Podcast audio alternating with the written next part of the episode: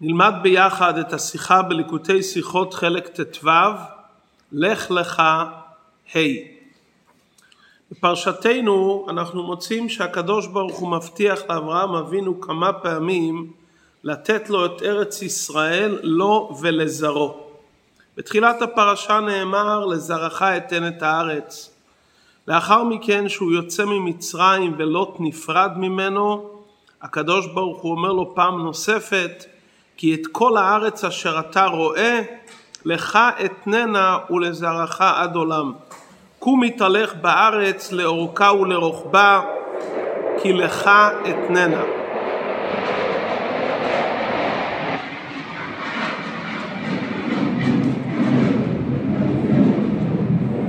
בברית בין הבתרים בפרשתנו נאמר ביום ההוא קראת השם את אברהם ברית לאמור לזרעך נתתי את הארץ מנהר מצרים עד הנהר הגדול נהר פרת. החילוק הכללי בין ההבטחות הללו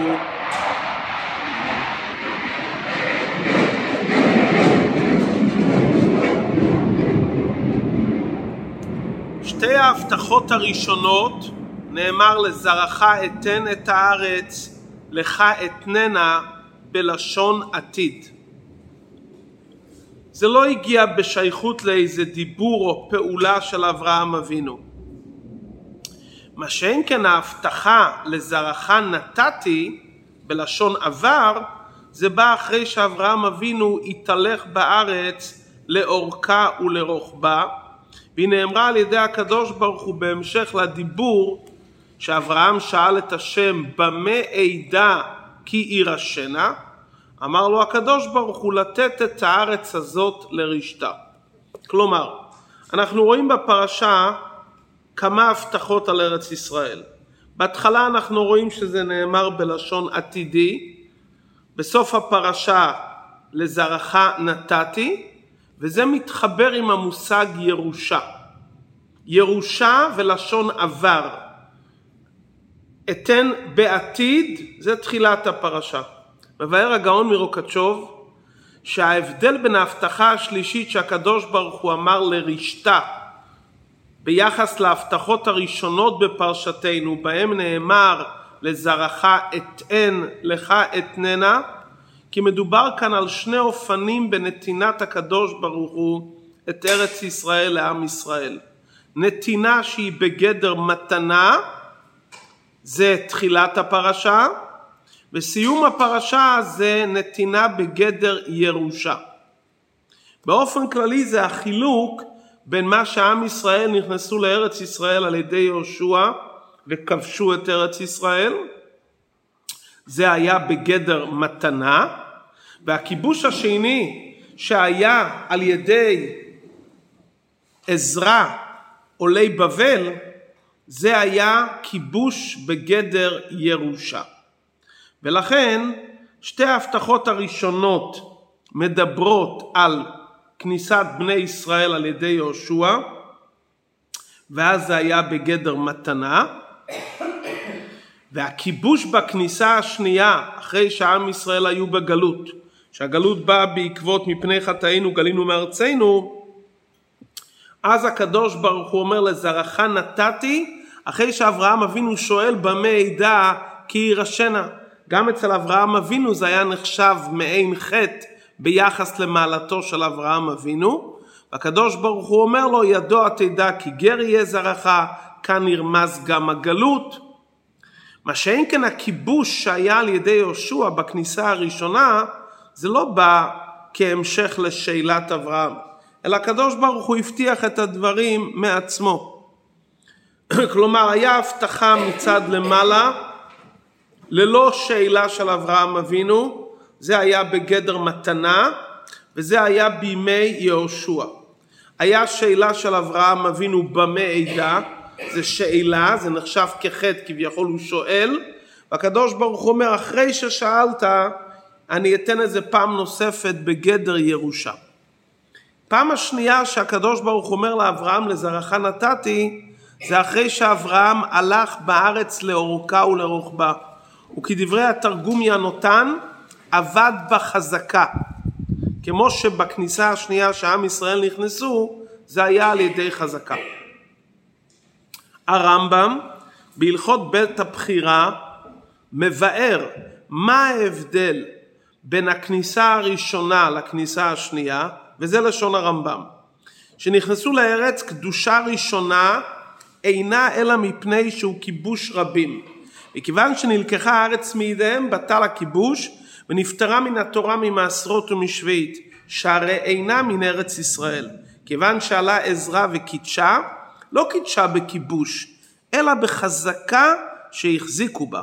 ולפיכך כל מקום שהחזיקו עולי בבל ונתקדשה בקדושת עזרא השנייה הוא מקודש היום ואף על פי שנלקח הארץ ממנו וחייב בשביעית ובמעשרות. עד כאן ציטוט דברי הרמב"ם. מה כותב הרמב"ם? כשעם ישראל נכנסו פעם ראשונה לארץ הם כבשו את ארץ ישראל. ברגע שבאו וכבשו מהם את זה בחזרה, הבבלים וכולי, אז הארץ נפטרה ממעשרות ומשביעית, כי הארץ כבר לא בידיהם. שעזרא עלה עם עולי בבל, אחרי הגלות, הוא נכנס לארץ ישראל לא באופן של כיבוש, חזקה. הוא התיישב בארץ באופן של קניין חזקה. ולכן כל מקום שנכנסו עולי בבל זה מקודש, ולמרות שהארץ, היו זמנים שהארץ לא הייתה בידינו אחרי עולי בבל, אבל מכיוון שהכניסה הייתה על ידי עזרה בקניין חזקה ולא בכיבוש, הארץ ממשיכה להיות חייבת בשביעית ובמעשרות. עלינו להבין, מדוע הכיבוש הראשון על ידי יהושע קשור עם העניין של מתנה, ומדוע הכיבוש השני שהיה על ידי חזקה בימי עזרא גרם את עניין הירושה. אמרנו שיש נתינת ארץ ישראל באופן של מתנה ויש נתינה באופן של ירושה. כדי להבין את זה עלינו להבין טוב את דברי הרמב"ם. הכסף משנה שואל על הרמב"ם, אני לא מבין. אתה אומר שפעם ראשונה נכנסו על ידי כיבוש ואחר כך באו גויים וכבשו את זה ואז הארץ נלקחה מידינו. גם אחרי שישבו בזמן עזרא שהארץ הייתה בחזקה ולא בכיבוש באו הגויים ולקחו את זה מאיתנו. אז מהו ההבדל? למה אחרי שלקחו מאיתנו בכיבוש את כיבוש יהושע, הארץ נפטרה מתרומות ומעשרות? ואחרי שלקחו מאיתנו את הארץ בימי עזרא, שאז התיישבנו בארץ באופן של חזקה, זה עדיין נשאר מקודש, והקדושה הזאת היא קדושה לעתיד לבוא, וחייבים בתרומות ומעשרות. שאלה שנייה שואל הכסף משנה, מה אמרנו? שבזמן יהושע כבשו את הארץ בכיבוש. באנו וכבשנו את ארץ ישראל. מה, אז לא היה חזקה? אחרי שכבשו, גם החזיקו בארץ. אז בזמן יהושע היה גם כיבוש וגם חזקה. אז מה הבעיה? אתה אומר, מכיוון שכבשו ולקחו מאיתנו הגויים את זה עוד פעם וכבשו מאיתנו, לכן אין בזה קדושה. מה שאין כן אם יש חזקה, שאנחנו מתיישבים בארץ בקניין חזקה, הקדושה לא מתבטלת. הרי בזמן יהושע היה גם כיבוש וגם חזקה. בהתחלה כבשו, אבל לאחר מכן ישבו בארץ באופן של חזקה. אז אם כן, מדוע הקדושה לא נשארה גם בזמן יהושע? יש בזה כמה ביאורים בדברי הרמב"ם. הרדווז כותב שההבדל בין ימי יהושע לימי עזרא, שבימי עזרא קידשו את ארץ ישראל גם בפה. כלומר, עשו טקס בפה ודיברו. שואל הרבה, לא מצינו שבימי עזרא קידשו את ארץ ישראל בפה, והרמב"ם לא כותב, לזה, לא כותב את זה ולא מרמז. הרמב"ם כותב שהנימוק להבדל בין קדושה ראשונה לקדושה שנייה, בין זמן יהושע לזמן עזרא, זה לא בגלל שקידשו בפה, אלא מכיוון שבימי עזרא נכנסו לארץ באופן של חזקה, מה שאין כן בימי יהושע כבשו את הארץ. הרמב"ם בכלל לא מזכיר עניין של אמירה בפה. עוד ניסיון להסביר את דברי הרמב"ם, התוספות יום טוב מתרץ את השאלה של הכסף משני, מה ההבדל בין כיבוש לחזקה, ואומר כך, אם באים נוכרים וכובשים את זה ממך לאחר שאתה כבשת, הכיבוש של הנוכרים מבטל את הכיבוש שלך. אבל כשעם ישראל התיישבו בימי עזרא, זה היה אחרי שמלך פרס נתן להם רישיון להחזיק. אם מלך פרס נותן רישיון, אז הכיבוש של הגויים לא מבטל את החזקה. ככה מסביר התוספות יום טוב.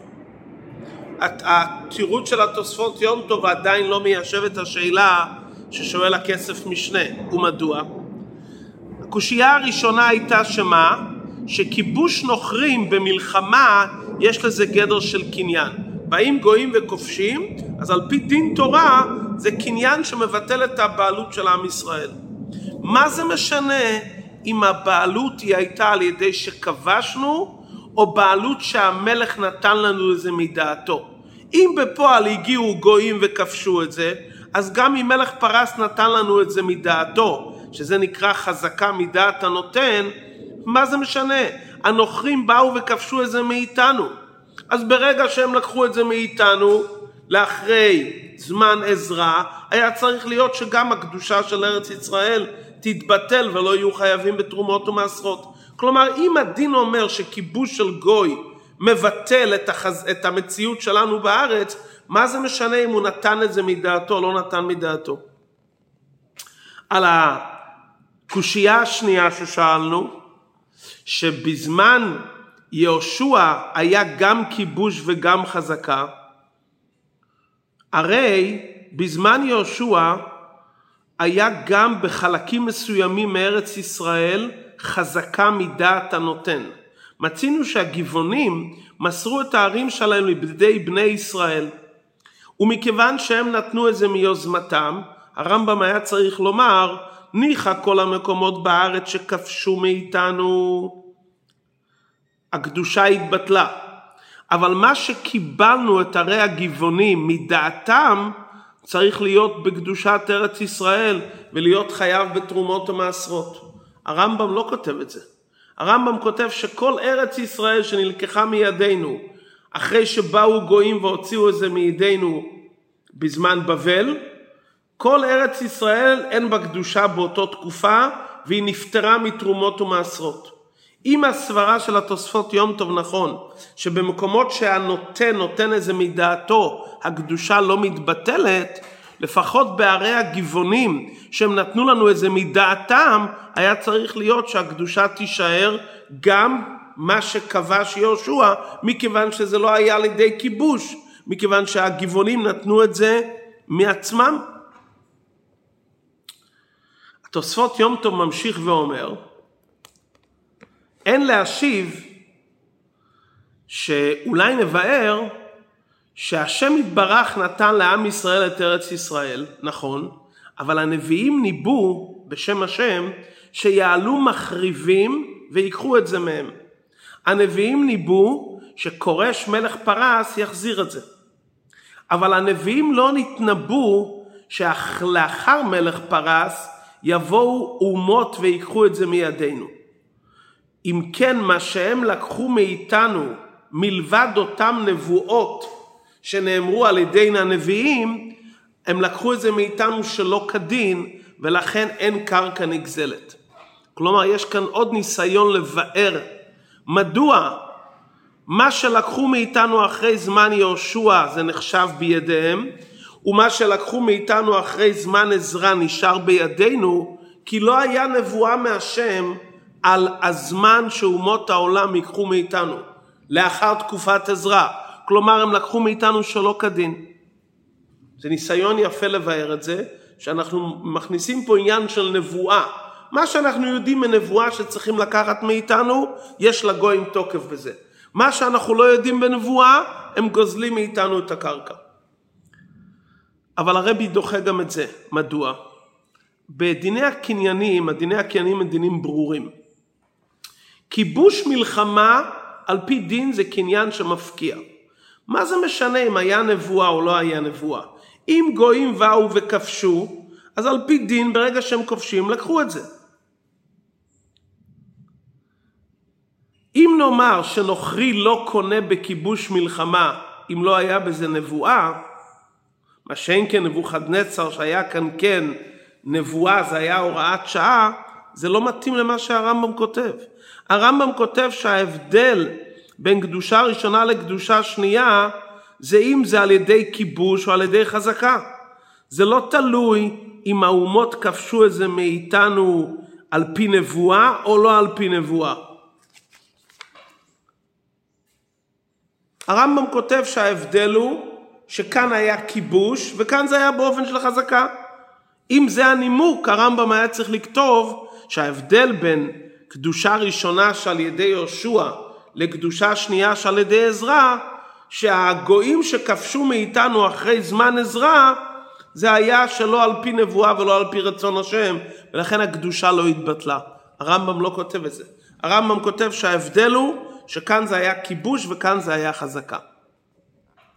בנוגע לשאלה השנייה ששאלנו שלכאורה בארץ ישראל היה בפעם הראשונה על ידי יהושע היה גם כיבוש וגם חזקה, היה אפשר אולי לומר, ניסיון לתרץ, שמכיוון שיהושע התכוון לכבוש ולא התכוון לעשות קניין חזקה, לכן ההגדרה של זמן יהושע זה כיבוש ולא חזקה. כמו שמצינו בנכסי הגר, שאתה צריך לכוון מי שעודר בנכסי הגר ולא יודע שזה גר, שזה של גר, הוא לא יוצא ידר, הוא לא קונה את הקרקע. אומר הרב גם זה לא מובן, כי צריך עיון הסברה, מה זה משנה מה אתה מכוון לקנות. אם בפועל גם כבשת וגם עשית חזקה, בפרט שזה קניין דאורייתא, אז לא משנה אם אתה כיוונת כזה כוונה או כזה כוונה. בפועל היה פה גם כיבוש וגם חזקה. ועוד יותר קשה, בערי הגבעונים לא היה עניין של כיבוש מלחמה. הגבעונים מסרו את זה מרצונם. אז למה לא חל שם החזקה של עם ישראל? הרי בערי הגבעונים בוודאי לא היה שום עניין של כיבוש ולא היה שום כוונה של כיבוש כי הם נתנו את זה מיוזמתם אז ערי הגבעונים עם ישראל התיישבו שם בחזקה אז לכאורה בערי הגבעונים היה צריך להישאר הקדושה כי זה לא יצא אף פעם מידינו. עד כאן הניסיונות לבאר. כאן מבאר הרבה בפרק ה' את הביור מה שנראה לרבה לבאר בעניין זה. בהקדים. שבנתינת הארץ לעם ישראל בפרשתנו התחדשו שני עניינים. דבר ראשון, יש כאן קניין ממון. הבעלות של ארץ ישראל, שהיא שייכת לכל עם ישראל, בעלות ממונית. הקדוש ברוך הוא אומר, זה שלכם, אתם הבעלים. עניין שני, קדושת הארץ. העניין של הבעלות על ארץ ישראל זה ברגע שהקדוש ברוך הוא נתן את זה לאברהם אבינו ואמר לו לזרעך נתתי מאז אפילו לפני שעם ישראל כבשו את ארץ ישראל היא שייכת לעם ישראל עולמית. וזה נוגע גם להלכה. בנות צלופחד ביקשו חלק כפול של בכור מה שמגיע להם פי שניים. הדין הוא שבכור לא לוקח בראוי כבמוחזק. כלומר הבכור לא יכול לקחת פי שתיים על קרקע שלא נמצאת בידו. והרי הקרקע עוד לא הייתה בידיהם, והם מבקשים ממשה רבינו לקבל את חלק אביהם, והם קיבלו. מה הסיבה לכך? כי מזמן אברהם אבינו שהקדוש ברוך הוא אמר לזרעך נתתי, ארץ ישראל מוחזקת, היא שייכת לעם ישראל. זה לא נקרא שהיא לא בידינו, זה נקרא מוחזק. ברגע שהקדוש ברוך הוא אמר בפרשתנו לזרעך נתתי, היא שלנו. יש עוד עניין בארץ ישראל, קדושת ארץ ישראל, במיוחד לעניין של חיוב מצוות. זה התחדש שעם ישראל נכנסו פיזית לארץ ישראל. כשהם נכנסו בפועל, אז הארץ קיבלה קדושה שאז חייבים במצוות. ועכשיו אנחנו נבין את ההבדל בין הכניסה הראשונה בזמן יהושע לכניסה השנייה בזמן עזרא. בכניסה הראשונה בזמן יהושע הקדוש ברוך הוא אמר אני רוצה שתיכנסו ככובשים. הלשון בתורה חלוצים תעברו. אתם תעברו חמושים לפני אחיכם כל גיבורי החיל ונכבשה הארץ לפניכם.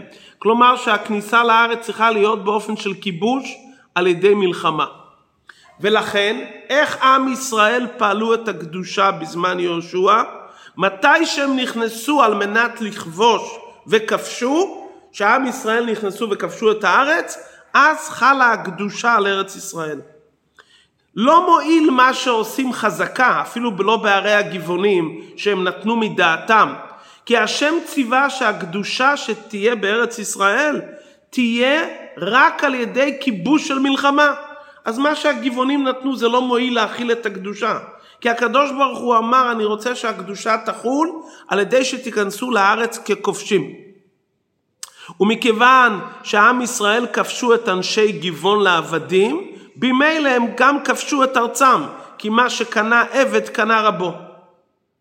ואחרי שעם ישראל כבשו את יריחו, שהיא הייתה המנעול של ארץ ישראל, מיד נשלמה חלות הקדושה על כל הארץ, על ידי ביאת ישראל ליריחו באופן של כיבוש. מצוות התלויות בארץ היה עוד תנאי. מתי מתחייבים? שכל יושביה עליה וכולי אחרי שחילקו את הארץ. אבל הקדושה כבר התחילה ברגע שעם ישראל כבשו את יריחו, נהיה קדושה בארץ ישראל. ולכן הקדושה של הארץ נפעלה מיד, אפילו בערי הגבעונים, מיד שכבשו את יריחו. מה שאין כן, שעם ישראל נכנסו בזמן עזרה, הקדוש ברוך הוא אמר להם, תיכנסו באופן אחר. אפקוד אתכם להשיב אתכם אל המקום הזה, ושבו בעריכם אשר תפסתם. הרצון של הקדוש ברוך הוא היה, בפעם השנייה שנכנסים, לא שיכבשו את ארץ ישראל, אלא פשוט שיעלו ויתיישבו בה כמו שהיא שלהם מאז ומקדם. והקדושה שנפעלה בכניסה השנייה הייתה על פי רצון השם דווקא בחזקה שהחזיקו בה ולא בכיבוש. על פי זה מתורץ הקושייה הראשונה, מה שאלנו? כסף משנה שאל, מה ההבדל בין חזקה מכיבוש? למה בחזקה אתה אומר שהקדושה לא התבטלה? בכיבוש אתה אומר שברגע שכבשו את זה מידינו זה יתבטל. הסבר הדברים פשוט. שהקדוש ברוך הוא ציווה לכבוש את ארץ ישראל בזמן יהושע, מה זה כיבוש? לוקחים דבר מהזולת נגד רצונו. זה הפירוש לכבוש. נמצא שמצד הציווי יש כאן בעלות של האומות לפני עם ישראל, ואיך הקדושה הגיעה לארץ ישראל? שעם ישראל מתגברים על האומות וכובשים, אז נהיה קדושה. לכן, ברגע שבאים אומות העולם פעם שנייה ולוקחים את הארץ מידינו על ידי כיבוש, אז מתבטל הקדושה שנפעלה על ידי הכיבוש שלנו. כי כל הקדושה שחלה בארץ ישראל, איך היה רצון השם בפעם הראשונה? שזה יהיה על ידי כיבוש. ברגע שבאים עוד פעם אומות העולם וכובשים את זה מאיתנו, אז הקדושה שנפעלה שרה. מה שאין כן זזה מארץ ישראל. מה שאין כן בביאה השנייה, עזרא הקדוש ברוך הוא אמר לו אל תכבוש את זה, תתיישבו שם בגדר חזקה. מה זה חזקה? אדם חוזר לבית שלו האישי. זה הוראת בעלות, אני המחזיק בבית. הדבר הוא שלי מצד עצמי. אני לא לוקח ממך, אני לא כובש את זה ממך, כי זה שלי מאז ומקדם. כשעם ישראל פעלו את הקדושה בימי עזרא, זה לא קדושה שהם כובשים ולוקחים משהו ממישהו אחר, שלכן אם הוא ייקח את זה עוד פעם מהם זה יתבטל. הם חוזרים למקום שזה שלהם מאז ומקדם. כלומר בעליית עזרא הבעלות שהייתה לעם ישראל על ארץ ישראל מאז ומקדם על ידי אברהם אבינו חלה גם על קדושת הארץ. וארץ ישראל נעשית מוחזקת ולא בטלה לעולם. גם אחרי החורבן שגלינו מארצנו זה עדיין ארצנו ואדמתנו והקדושה לא יכולה להתבטל. כי אם אתה חוזר למקום כמוחזק כי זה בית שלך מאז ומקדם שהקדוש ברוך הוא נתן לאברהם אבינו בבעלות ממונית זה שלנו לא ככובשים אלא כי זה שלנו מאז ומקדם. שהקדוש ברוך הוא אמר בפרשתנו לזרעך נתתי זה לא יכול להתבטל. שיש לאדם בית שהיא שלו מאז ומקדם והוא חוזר לגור בבית אי אפשר לקחת את זה ממנו. גם אם ייקחו זה יישאר בבעלותו. אם אדם כובש משהו שזה לא שלו אז שעוד פעם כובשים את זה ממנו לוקחים. אבל אם אני חוזר למקום האישי שלי, שזה הפירוש חזקה, אי אפשר לקחת את זה ממני. עד כאן ההסבר על פי פשט להבין את ההבדל בין הכניסה הראשונה לכניסה השנייה. למסקנה הכניסה השנייה חזרנו לארץ כי היא שלנו ולכן הקדושה היא נצחית לעד ולעולמי עולמים. ההסבר הזה מסתדר על פי חסידות מאוד נפלא. כשעם ישראל נכנסו לארץ ישראל פעם ראשונה הם היו במדרגת צדיקים. כשהם נכנסו פעם שנייה הם היו במדרגת בעלי תשובה כי הרי הם חטאו וגלו וחזרו בתשובה והחזירו אותם. מה ההבדל בין צדיק לבעל תשובה? עבודת הצדיקים בדרך כלל זה עבודה מלמעלה למטה. הם פועלים על העולם, באיזה אופן? הם ממשיכים קדושה על העולם, אלוקות מלמעלה. כלומר, הם מוארים והם מאירים את המטה. זה לא כל כך קשור עם המצב של המטה. הם מאירים. אם הם מאירים מצידם, אבל זה לא קשור עדיין למציאות המטה, יכול להיות בזה שינוי והפסק. כמו שראינו בקדושה הראשונה שהייתה על ידי כיבוש, התגברו על הצד שכנגד, אז למרות שהתגברו, אבל עדיין עלול הכיבוש להתבטל, כי זה לא בא מצד המציאות של התחתון. גם בעבודת האדם, אם העבודה של יהודי שאין לו עסק ומגע עם העולם והוא לא התנסה בניסיונות עם הצד ההפכי, אין ודאות שמתישהו יבוא לזמן ניסיון הוא יוכל לעמוד בו. זה החיסרון של צדיקים. הם לא יתנסו ואתה לא יודע מה יהיה ברגע שיהיה ניסיון. הבעל תשובה, העבודה שלו מלמטה למעלה. הוא מברר ומזכך את התחתון ועושה אותו כלי לקדושה. הוא מגלה אלוקות במציאות שלו, במציאות של העולם. הדברים שהוא עושה יש להם קיום, אין להם הפסק.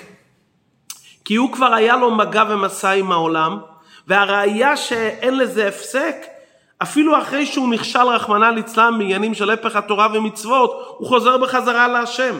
כלומר זה מוכיח שתורה ומצוות כל כך חדר בו, שאפילו אם הוא נכשל, זה לא יכול להרחיק, להרחיק אותו, לנתק אותו מהשם.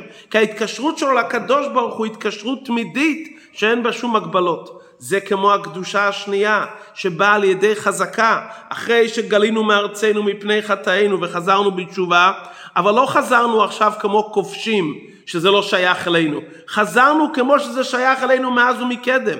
הבעל תשובה שחווה דברים שהוא חוזר למקום הנכון, הוא חוזר כמו שזה שלו מאז ומקדם. כי הוא כבר התנסה ומכיר את הדברים. הוא לא מגיע ממקום שמלמעלה למטה ולא הכיר את הניסיונות. הוא כבר הכיר את הדברים והוא חוזר למקום הנכון כמקום טבעי זה שלי ממש. עכשיו נבין מדוע הפעם הראשונה זה היה מתנה ופעם שנייה זה היה בגדר ירושה. מה ההבדל בין מתנה לירושה? הגמרא אומרת שמתנה יכול להיות להפסק. לדוגמה, אדם יכול להעניק מתנה לחברו לזמן מסוים ולקחת את זה, או מתנה עד סוף ימיו ואחר כך להעביר את זה לרשות אדם נוסף. ירושה לא ניתן לפגוע בהמשך הטבעי שלה. גם אם המוריש מתנה שאחרי מותו הירושה תעבור למישהו אחר, התנאי לא תקף.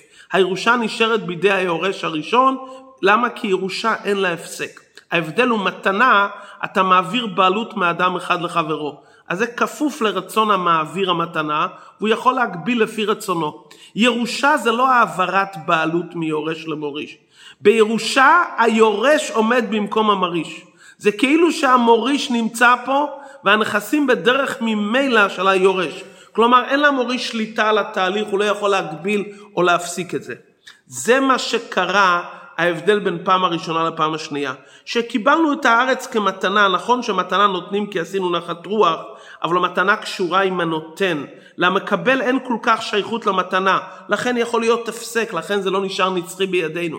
המתנה שקיבלנו בזמן יהושע, שכבשנו, היות וזה היה בדרך כיבוש מלמעלה למטה, אז גם זה היה באופן של מתנה שהגיעה מצד הנותן, זה לא היה קשור איתנו, זה לא היה מצד תביעה ושייכות שלנו. אבל אחרי פעם שנייה שנהיינו בעלי תשובה, הגענו למצב של ירושה. מצד זה שהיורש קרוב של המוריש, יש לו תביעה על הירושה, הוא שייך אליה, כל המציאות של היורש זה המוריש. אין כאן שינוי רשות, זה הוא בעצמו. לכן הנתינה שהשם נתן לנו בדרך ירושה, הייתה דווקא בקדושה השנייה. שעם ישראל נכנסו לארץ כפשוטו באופן של חזקה. בעבודת האדם כמו בעלי תשובה, שמרגישים שזה שלהם בעצם. אנחנו הבעלים של ארץ ישראל לעולם, זה שלנו מאז ומקדם.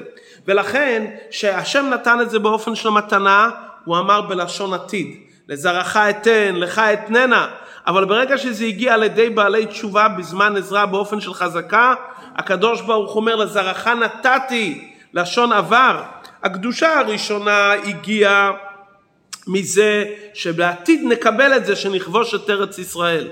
הקדושה השנייה הייתה שעם ישראל פשוט גילו שהארץ ישראל היא שלהם מאז ומקדם, מצד מה שהשם נתן לאבות. הם לא באו לחדש משהו, לכבוש משהו. הם גילו שזה שלהם מאז ומקדם, מזה שהשם אמר לאברהם אבינו לזרעך נתתי, זה ירושה שלנו מכבר על ידי האבות. הנקודה הזאתי, ההבדל בין מתנה לירושה בנוגע לארץ ישראל, זה רק קשור עם הקדושה של הארץ. בקדושה הראשונה נפעל על ידי מתנה וכיבוש, קדושה שנייה על ידי חזקה וירושה. אבל עצם הבעלות של ישראל על ארץ ישראל זה בעלות גמורה בתכלית השלמות. מאז שהקדוש ברוך הוא נתן לאברהם אבינו בברית בין הבתרים זה נחלת עולם, זה ברית עולם, לא יכול לחול בזה הפסק. לכן לא משנה באיזה מצב עם ישראל נמצאים. אפילו שהיו מצבים שמפני חטאינו גלינו מארצנו ונתרחקנו מעל אדמתנו, זה ארצנו, זה אדמתנו. כמו שהגמרא אומרת ארץ ישראל מוחזקת היא. ירושה היא לכם מאבותיכם מאברהם אבינו. למרות שבינתיים היה חטא העגל, חטא המרגלים, זה ירושה, זה נקבע בקדושה כזאת שאין לה הפסק, קידשה גם לעתיד לבוא. ולכן לא שייך שום משא ומתן או מסחר. כי כל ארץ ישראל לגבולותיה, מנהר מצרים ועד נהר הגדול נהר פרת, היא ירושה לכלל ישראל ולכל יהודי. לכן אף אחד לא יכול לוותר חס ושלום על שום חלק מארץ ישראל. הרצון למסור איזה חלקים חס ושלום זה נגד רצון השם. שהקדוש ברוך הוא אומר ברצונו נתנה לנו נחלת עולם.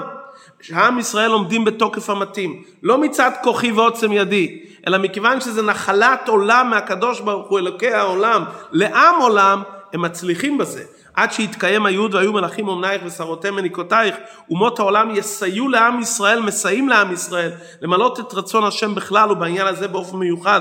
עוד בזמן הגלות זה יזרד את ביאת משיח צדקנו שאז כל ארץ ישראל גם קני כניזי וקדמוני העבר הירדן המזרחי יהיה בבעלות ישראל ואז זה יהפוך לעמים שפה ברורה לקרוא כולם בשם השם לעובדו בשכם אחד במהרה בימינו ממש. כלומר יש לנו פה החלוקה הכללית. בזמן יהושע זה היה מתנה, כיבוש ובלשון עתידי. כי זה היה בדרגת צדיקים. בזמן עזרא זה היה באופן של התיישבות של חזקה, באופן של ירושה שאין לה הפסק, באופן שמתגלה למפרע שנתתי, כי זה זמן של בעלי תשובה. והארץ ישראל תמיד הבעלות שלנו מאז ומקדם. כל השאלה מתי חלה הקדושה ורמת הקדושה. בוודאי שארץ ישראל קדושה מאז ומקדם מבחירת הקדוש ברוך הוא, אבל חלות הקדושה הקדוש ברוך הוא רצה שזה יהיה על ידינו, ולכן הוא ביקש או על ידי כיבוש או על ידי חזקה. אנחנו בעבודתנו דירה בתחתונים מצידנו, אנחנו נגרום את השראת הקדושה או ככובשים, דרגת הצדיקים, או בדרגה של חזקה של בעלי תשובה. אבל הבעלות הנצחית והקדושה מזמן עזרא נשארת לעד ולעולמי עולמים.